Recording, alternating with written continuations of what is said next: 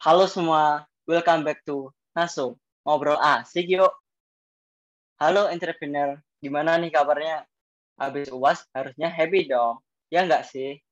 Nah, supaya bisa lebih happy lagi nih, dengerin terus podcast ini bersama aku, Diki Dwi dari Manajemen 21 yang akan menemani kalian di episode kali ini.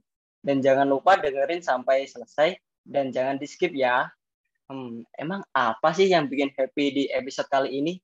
Nah, jadi nanti kita bakal seru-seruan bareng ngomongin hal yang berkaitan dengan bisnis F&B atau food and beverage.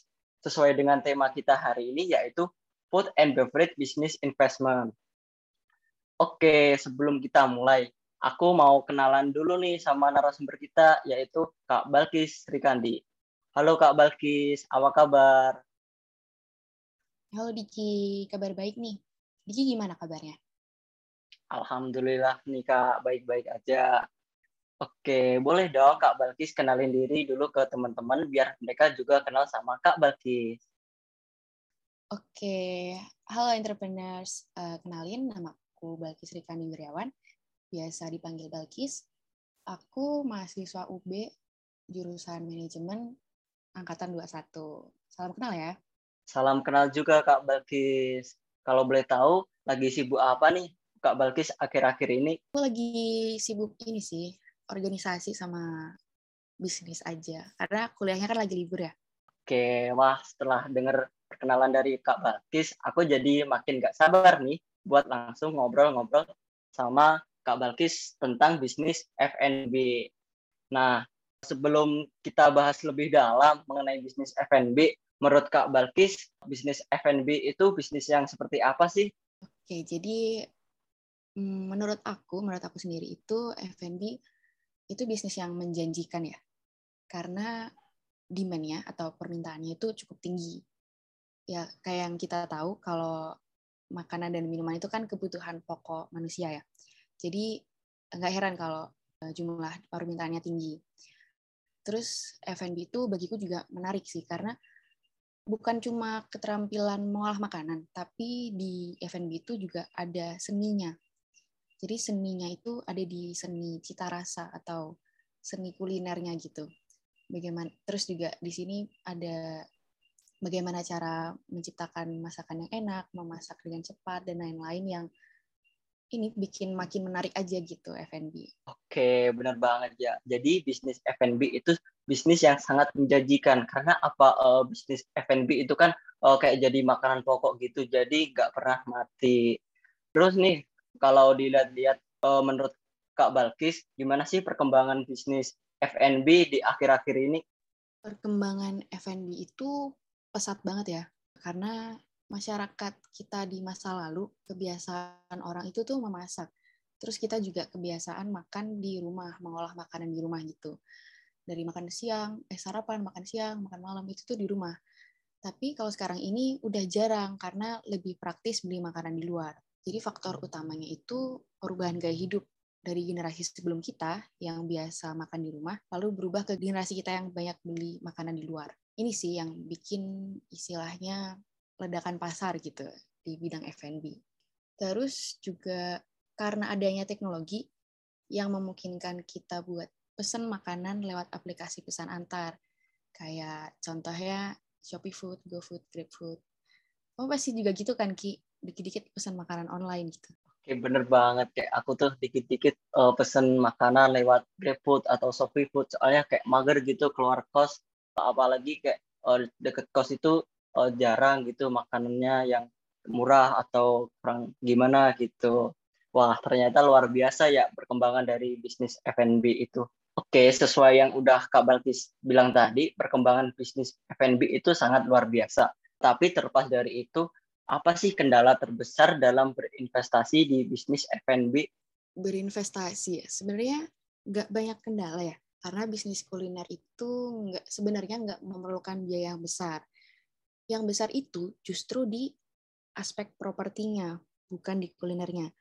Contoh buat bisnis kuliner itu kita perlu mikirin tempat yang strategis, tempat yang um, lucu gitu mungkin, tempat yang estetik atau terus juga parkir luas dan lain-lain. Tapi sekarang itu bisa sih diatasi dengan online, dengan aplikasi jasa pesan antar makanan itu tadi. Jadi nggak perlu buka outlet di pinggir jalan, kita bisa buka di gang sempit, tempat seadanya aja juga bisa. Banyak kan sekarang kita temuin di gang-gang kecil gitu, ada orang yang jualan dan ngandelin aplikasi online. Dan emang laris gitu. Ya kan? Pernah nemuin nggak, Ki? Pernah dong, pastinya. Oke, karena teknologi itu sih kan, dari jadi semuanya tuh mudah gitu.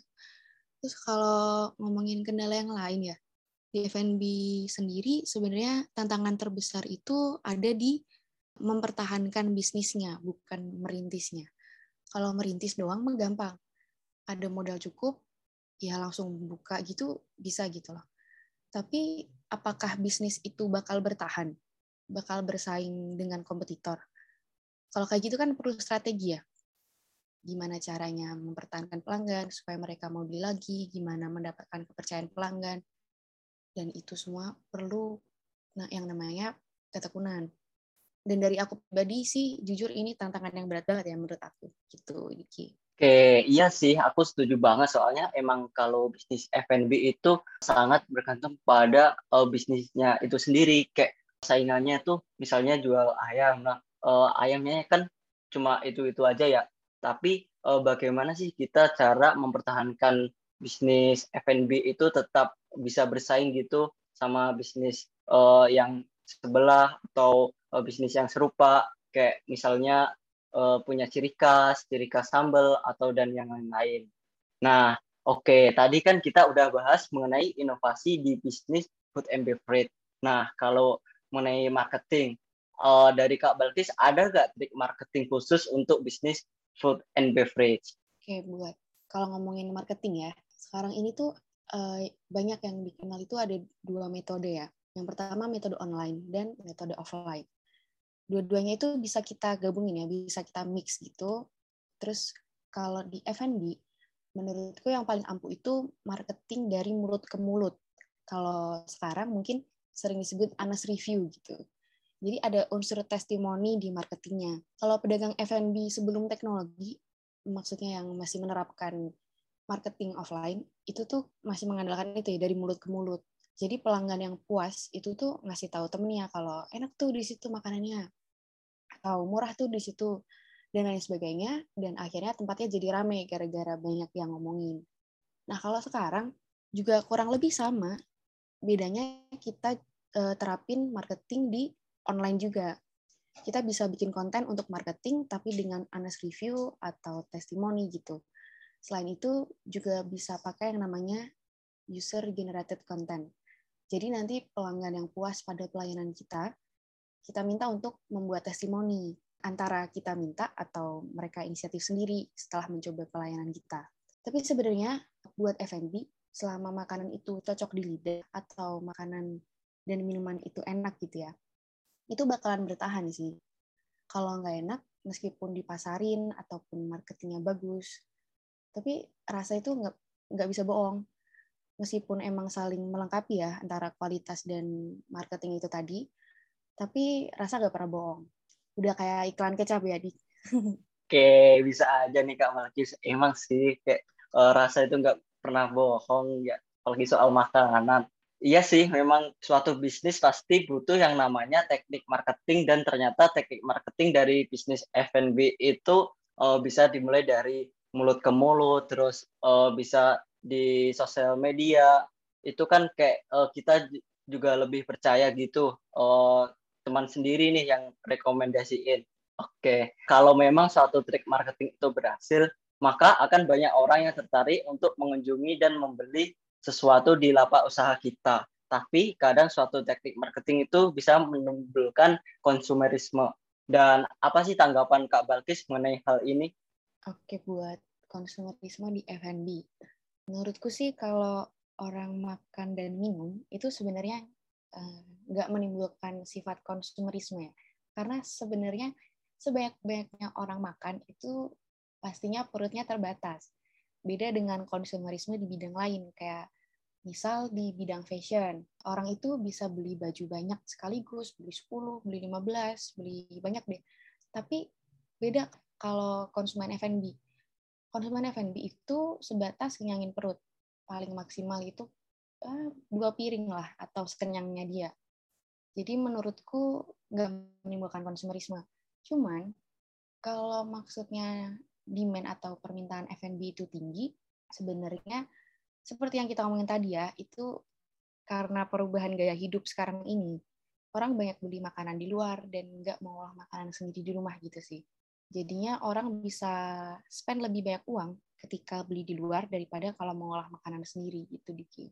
Menarik banget nih. Jadi menurut Kak Balki sebenarnya perilaku konsumerisme itu di bidang F&B emang terbatas gitu ya. Emang kita butuh makan, butuh minum, dan itu beda dengan yang di bisnis fashion kayak uh, misalnya kita beli barang tuh tujuh sekalian nah itu baru bisa disebut konsumerisme last question nih sebelum kita lanjut ke sesi berikutnya menurut Kak Balkis ditinjau dari segi mana pun kira-kira lebih menguntungkan membuat brand sendiri atau franchise hmm, menurutku disesuaikan lagi ya sama kebutuhan dan tujuan kita kalau mau milih di antara franchise ataupun bikin brand sendiri.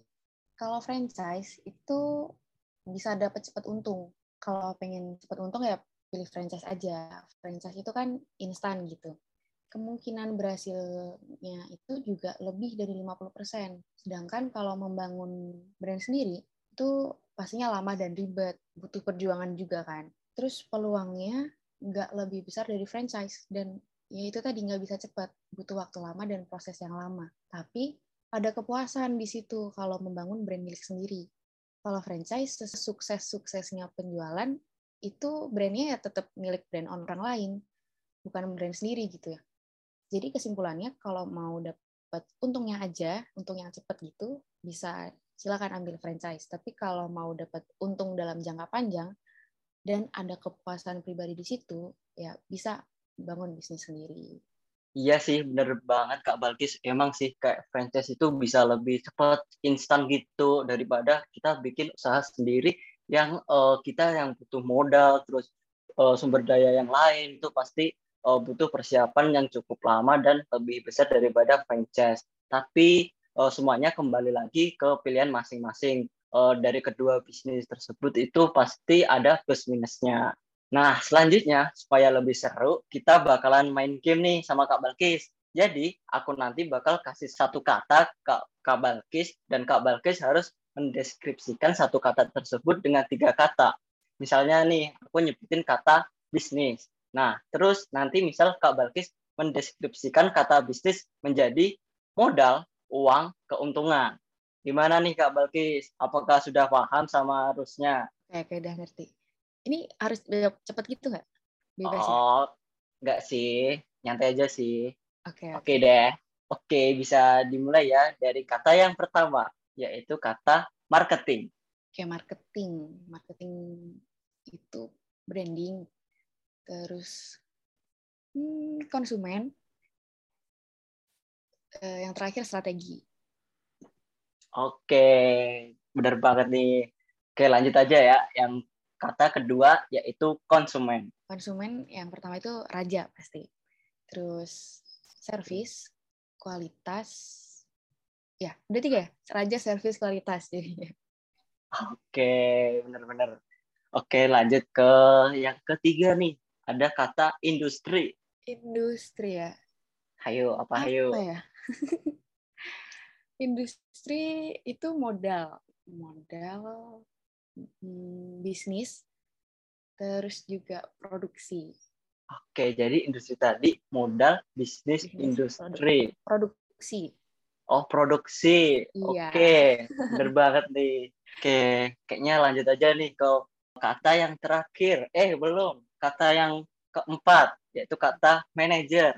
Manajer pengelolaan yang pertama. Terus karyawan um, sama SDM deh. Oke, udah kayak konsentrasi ya nih. Iya. Oke deh. Yang terakhir banget yaitu kata brand. Brand, gampang nih. Uh, identitas, terus image, sama yang terakhir brand. Brand itu visi. Oke, katanya gampang banget ya. Emang dia udah usaha gitu, emang beda orangnya. Mantap banget. Sayangnya sesi game kita telah berakhir. Tapi jangan sedih dulu karena kita bakal lanjut ngobrol asik bareng Kak Balkis. Nah, dari tadi kan kita udah bahas banyak banget tentang bisnis F&B. Terus kalau Kak Balkis sendiri ada gak sih bisnis yang Kak Balkis udah punya gitu? Oke, jadi hmm, bisnisku itu namanya 888. Dari namanya udah kelihatan ya. Di 88 itu menyediakan menu uh, aneka menu lalapan. Terus juga menyediakan jus buah dan minuman lainnya. Oke, 888. Tepatnya di mana tuh, Kak? Alamatnya sendiri itu di Jalan Gajayana nomor 2, Ketawang Gede, Malang. Patokannya tuh ini deket banget sama Sardo. Tahu kan, Diki? Anak kos pasti tahu sih. Aduh, itu mah emang tempat belanja bulanan nih. Oh. Jadi malu. Kawan-kawan mampir ya, Diki.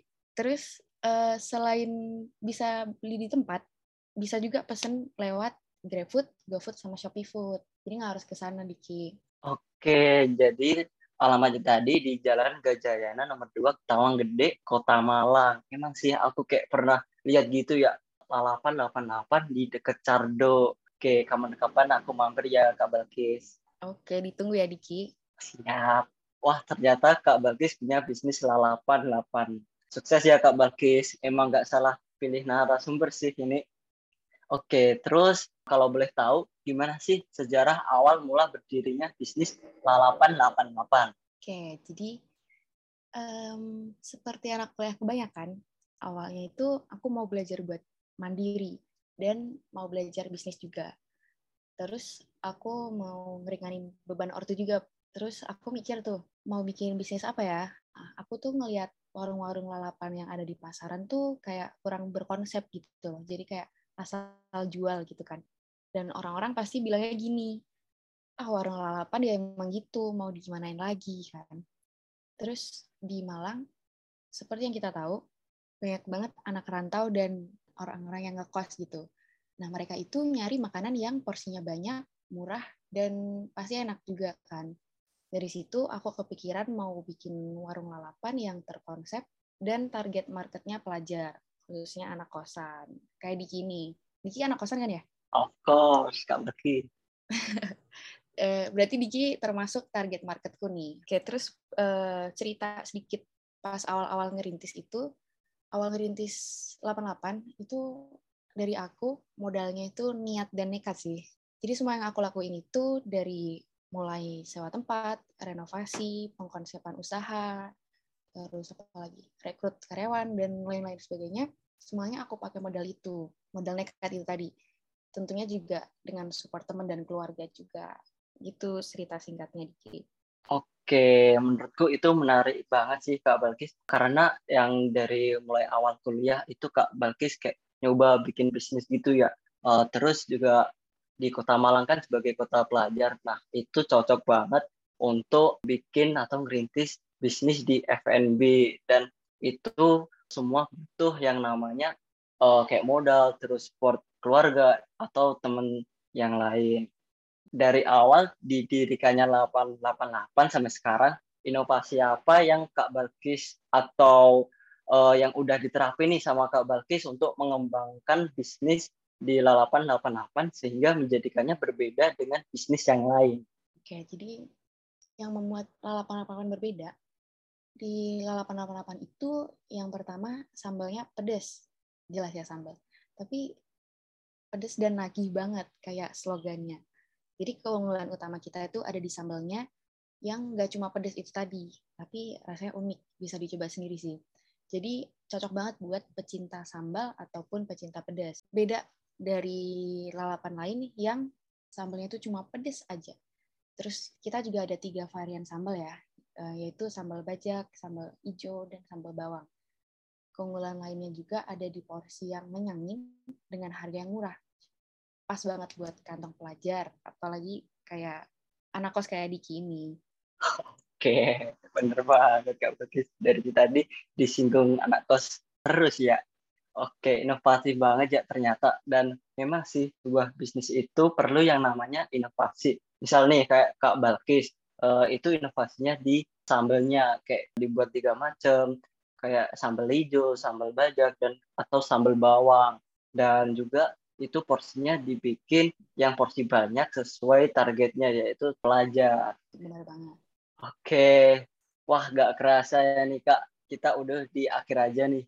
Nah, kalau aku simpulkan dari pembicaraan kita kali ini, bisnis F&B itu adalah bisnis yang sangat menguntungkan dan sedang berkembang pesat saat ini karena adanya perubahan gaya hidup masyarakat dan juga kemajuan teknologi digital. Meski begitu, bisnis F&B memiliki beberapa tantangan seperti mempertahankan konsumen dan menentukan lokasi usaha yang strategis. Namun, tantangan-tantangan tersebut bisa diatasi dengan adanya kemajuan digital dan beberapa teknik marketing seperti marketing sosmed atau mulut ke mulut. Oke, sebelum kita benar-benar berpisah sama Kak Balkis, ada nggak Kak pesan yang mau disampaikan ke teman-teman yang baru mau ngerintis bisnis gitu? Oke, pesanku sih semangat aja ya buat teman-teman. Terus jangan lupa kalau bisnis itu nggak ada yang mulus. Jadi nanti kalau udah ketemu halangan di jalan, jangan langsung nyerah ya. Dan buat itu jadi pelajaran. Oke, benar banget nih Kak Balkis. Wah, Terima kasih banyak ya Kak Balkis yang sudah mau meluangkan waktunya untuk sharing dan ngobrol-ngobrol bareng kita di episode kali ini. Sukses terus ya Kak Balkis. Terima kasih juga udah dikasih kesempatan ngobrol di sini. Sukses juga ya buat Diki. Oke Kak Balkis. Oh iya, sebelum kita benar-benar berpisah, teman-teman masih ingat nggak tebak-tebakan yang ada di episode sebelumnya? Ayo masih ingat belum? Jadi waktu itu pertanyaannya adalah apa yang ketika diinjak dalam keadaan hidup mereka diam, namun ketika diinjak dalam keadaan mati mereka akan berisik dan bersuara. Ayo. Nah, berarti jawaban dari tebak-tebakan ini adalah daun kering. Siapa nih yang udah berhasil menjawab dengan benar? Buat yang belum bisa menjawab, bisa dicoba lagi nih di episode kali ini. Siapa tahu beruntung kan ya. Jadi, untuk tebak-tebakan kali ini adalah apa sesuatu yang menjadi basah ketika dikeringkan. Hmm, apa ya kira-kira? Bisa nih dipikir-pikir dulu dan temukan jawabannya di episode selanjutnya. And see you all. Goodbye.